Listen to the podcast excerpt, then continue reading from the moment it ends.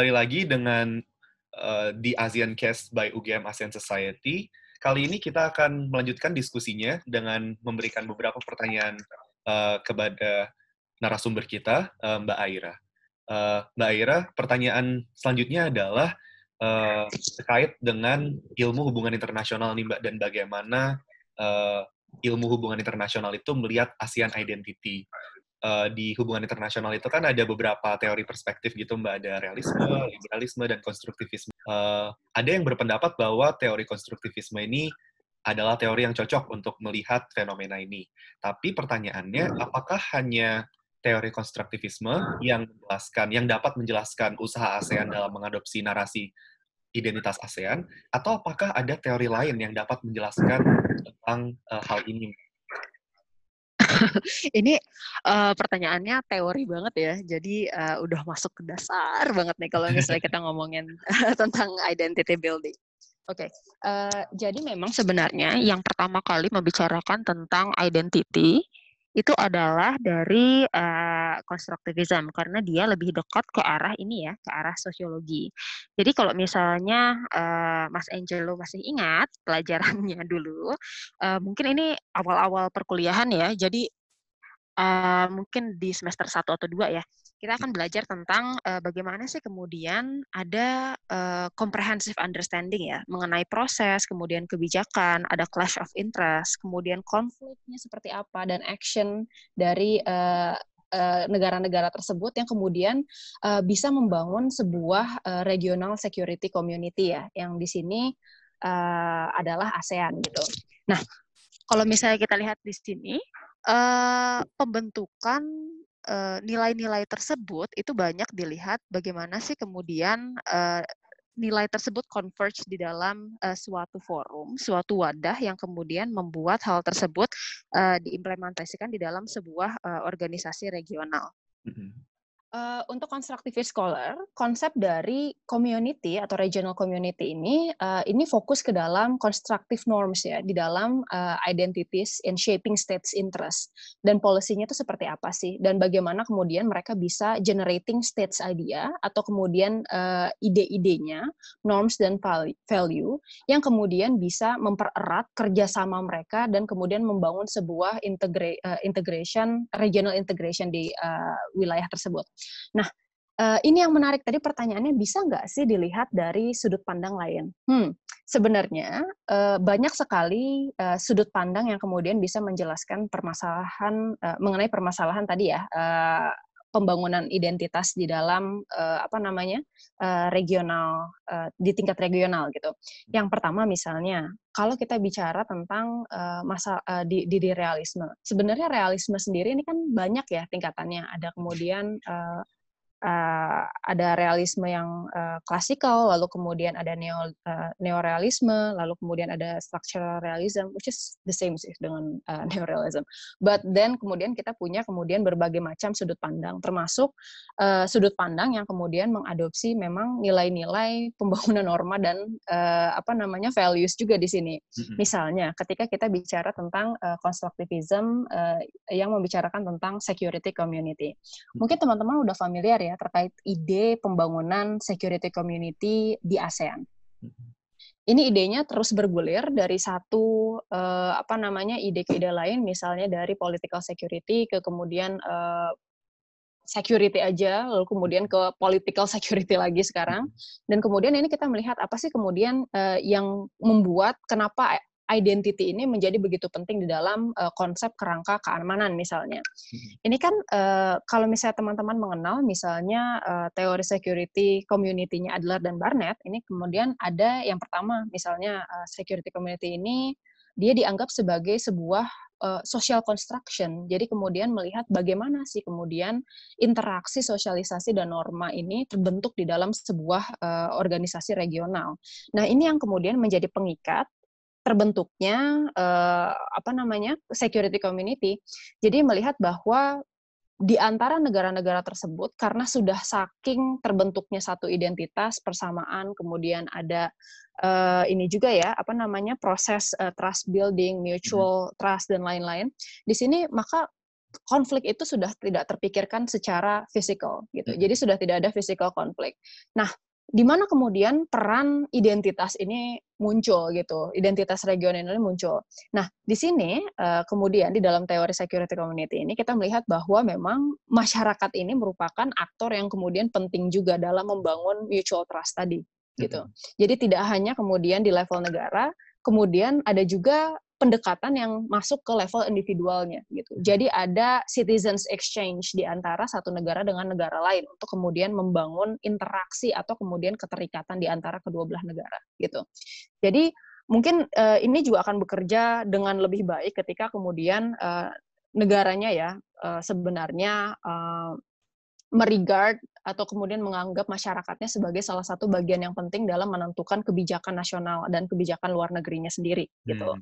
Misalnya di negara-negara yang sifatnya demokras, demokratis seperti hmm. Indonesia misalnya, kita melihat bahwa memang ada sedikit banyak pengaruh tekanan dari masyarakat terkait orang-orang yang memiliki uh, ini ya, apa namanya? Ya, orang-orang yang kemudian menjadi stakeholder di dalam hmm. pengambilan kebijakan di Indonesia gitu.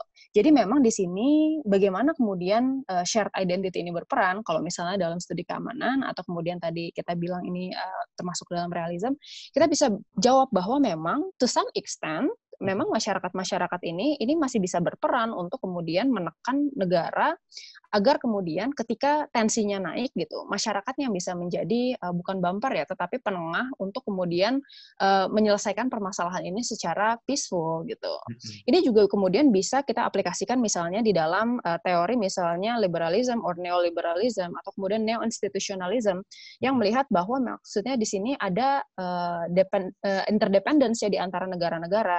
Ketika kemudian hubungan antara satu negara dengan negara lain ini semakin erat, maka kemudian interdependence dependensinya juga akan semakin erat gitu, mm-hmm. akan semakin kuat. Nah, di situ kemudian uh, identity ini masuk gitu.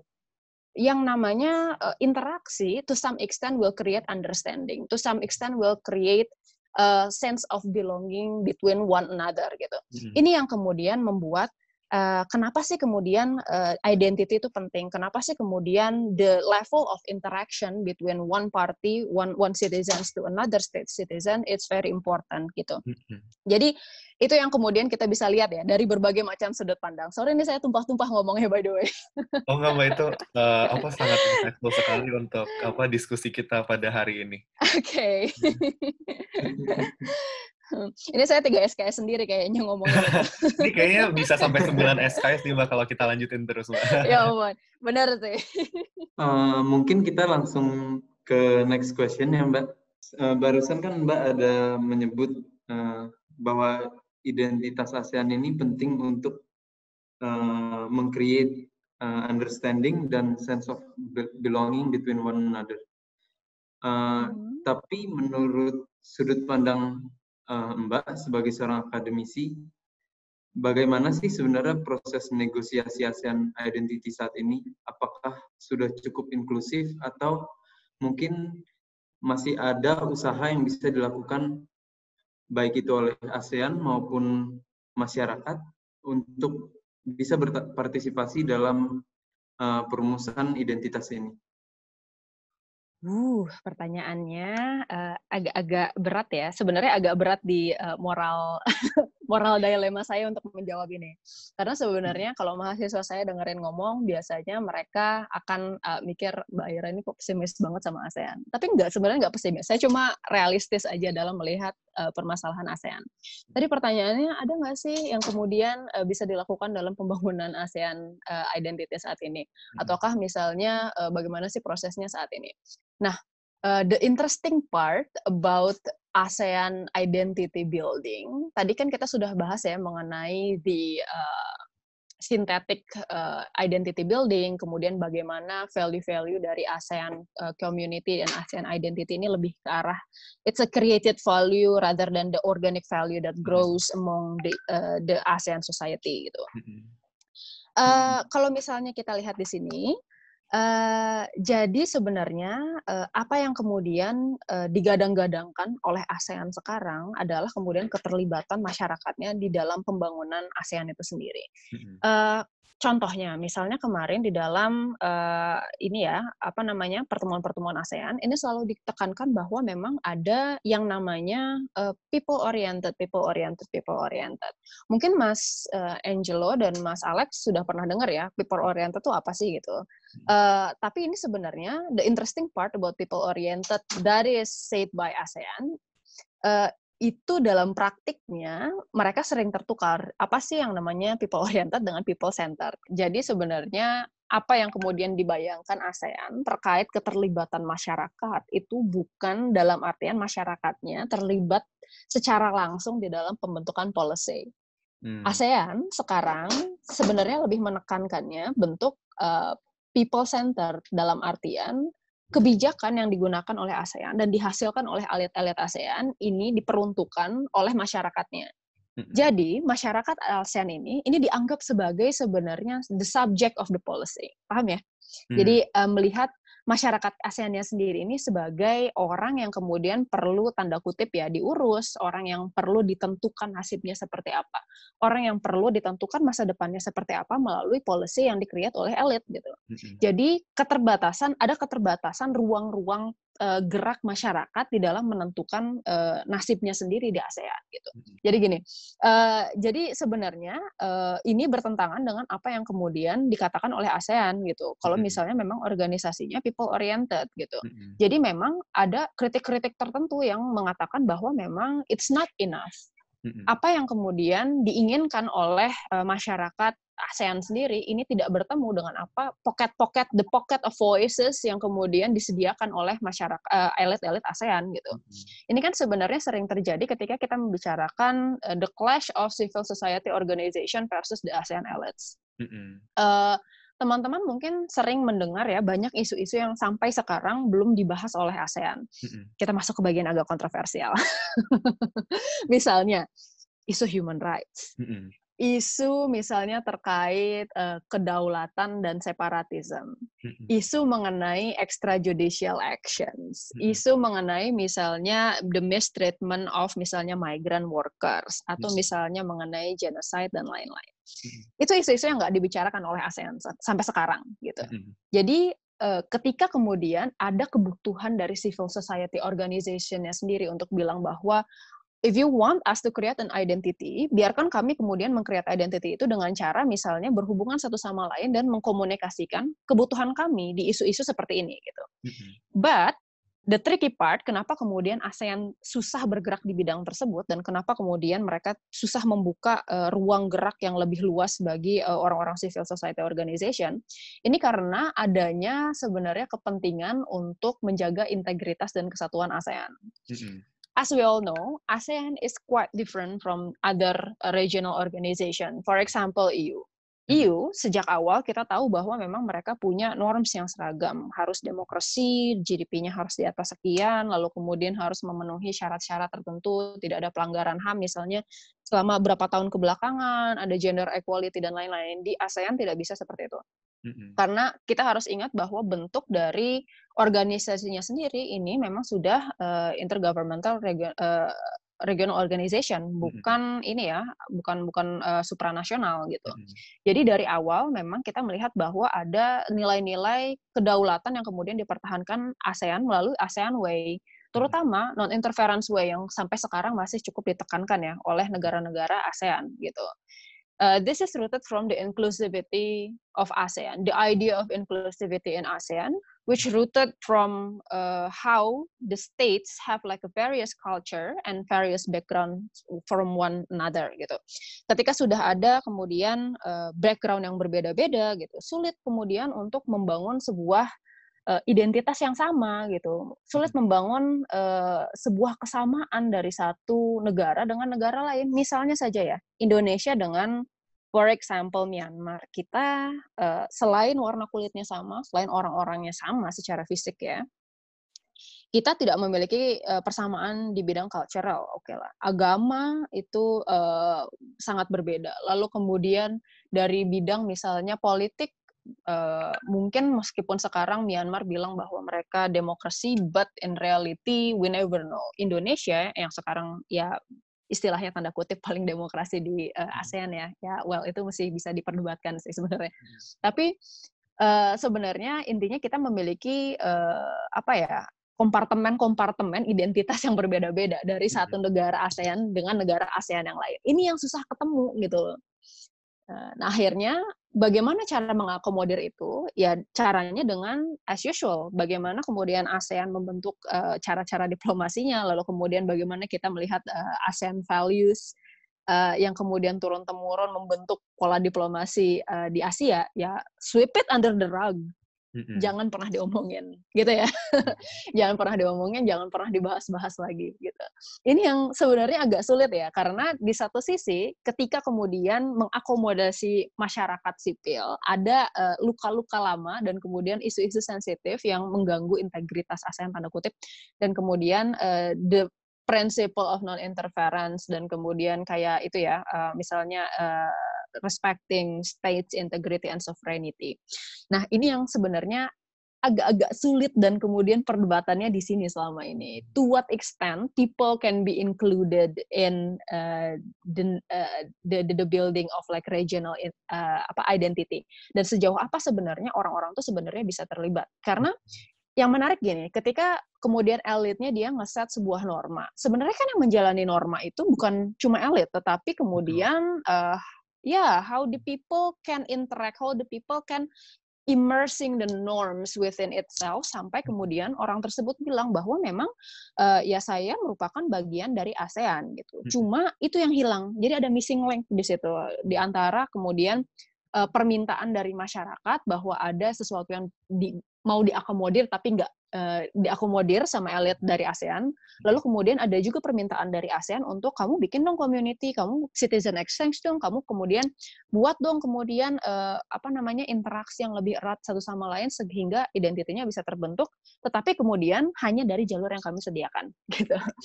Itu ya so that's uh, that's the thing about uh, ASEAN identity. Jadi kalau misalnya bertanya seperti apa sih pembentukannya, hmm, saya rasa sih memang masih jauh ya untuk hmm. kita bisa ke arah uh, pembentukan identitas yang benar-benar solid dan kemudian benar-benar bisa diterima dan diterapkan. Nggak cuma kita tahu saja, tetapi kemudian kita merasa bahwa memang itu bagian dari diri kita gitu.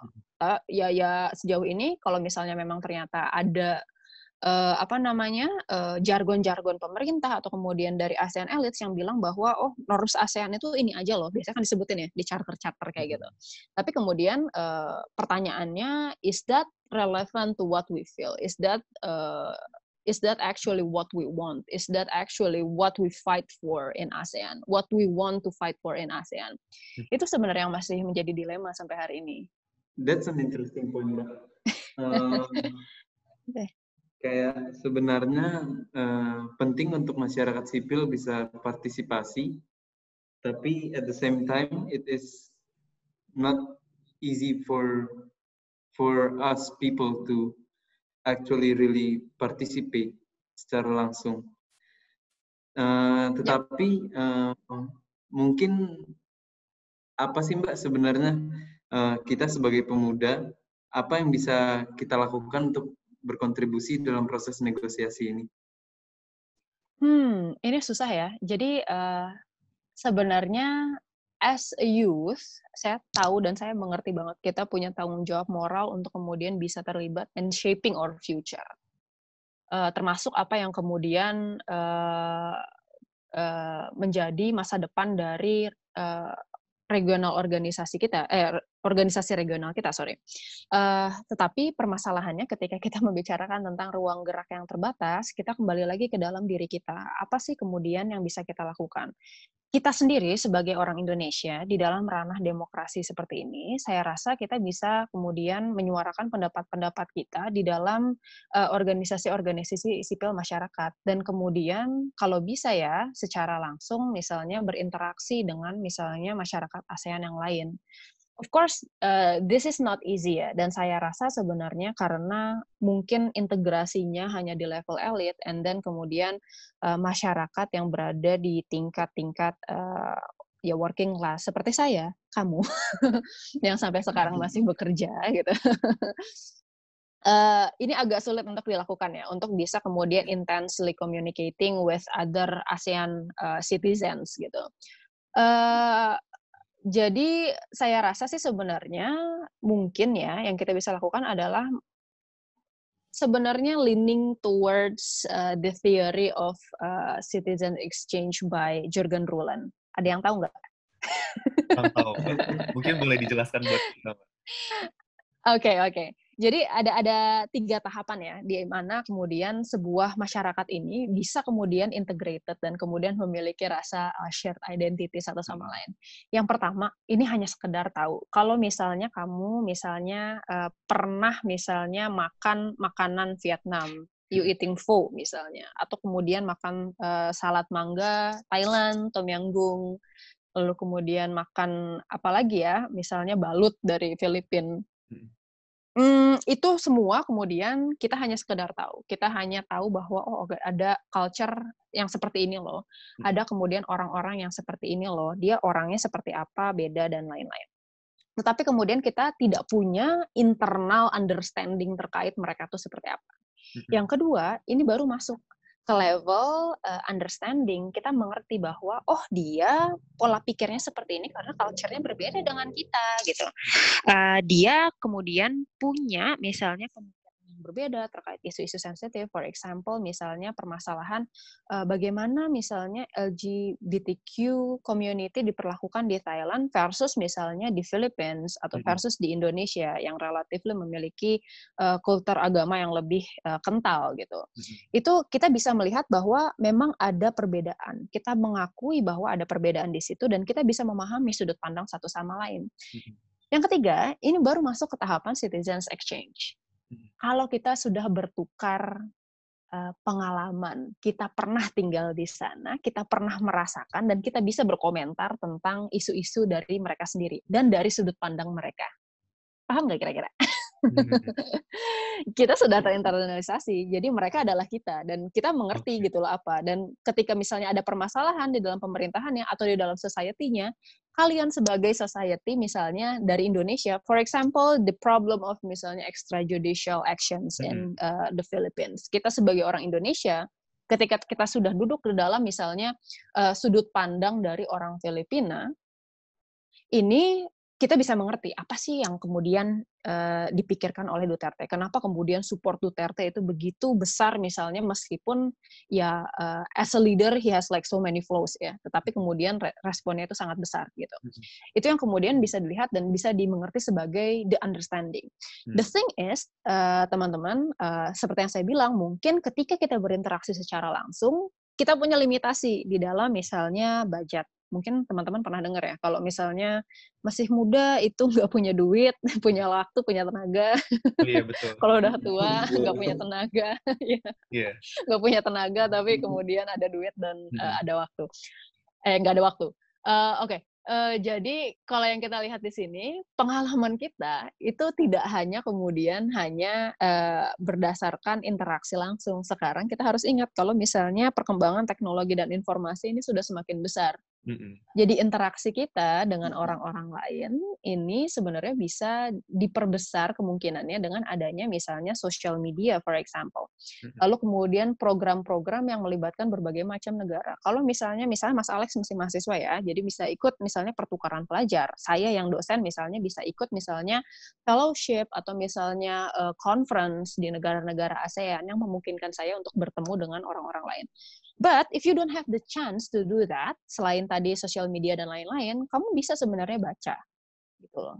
Kenapa kemudian ada misalnya ahli Cina yang kemungkinan ya, ya saya nggak tahu ya, mungkin pernah ke Cina, tapi maksudnya dia bisa mengerti banyak tentang Cina, tetapi hmm. maksudnya dia mungkin di dalam lima tahun terakhir belum pernah ke Cina. Hmm. Reading, reading lots of news, reading lots of theory, reading lots of journal, academic journal dan lain-lain gitu. Jadi memang ada understanding yang kemudian tidak perlu gitu uh, di, di, didapatkan melalui interaksi secara langsung gitu. Knowledge is not only uh, apa namanya acquired through direct interaction ya, tetapi sebenarnya dari mana aja gitu. Jadi understanding kita misalnya sebagai scholars of international relation ya saya, mungkin kamu sebagai ASEAN citizens, orang-orang muda, Alex sebagai mahasiswa, hmm. ini kita punya kemudian jalurnya masing-masing kemudian untuk berkontribusi dalam pembentukan ASEAN identity. Di dalam kasus kita ya bisa secara langsung atau tidak langsung. My uh, argument is why we have to actually participate in the formation of ASEAN identity. Mm-hmm. Jawabannya adalah because we can push we can we can push the government we can uh, uh, we can actually use our privilege as a people of ASEAN to actually create a difference in the policy. Memang sekarang seperti yang saya bilang sebelumnya masih susah untuk dilakukan.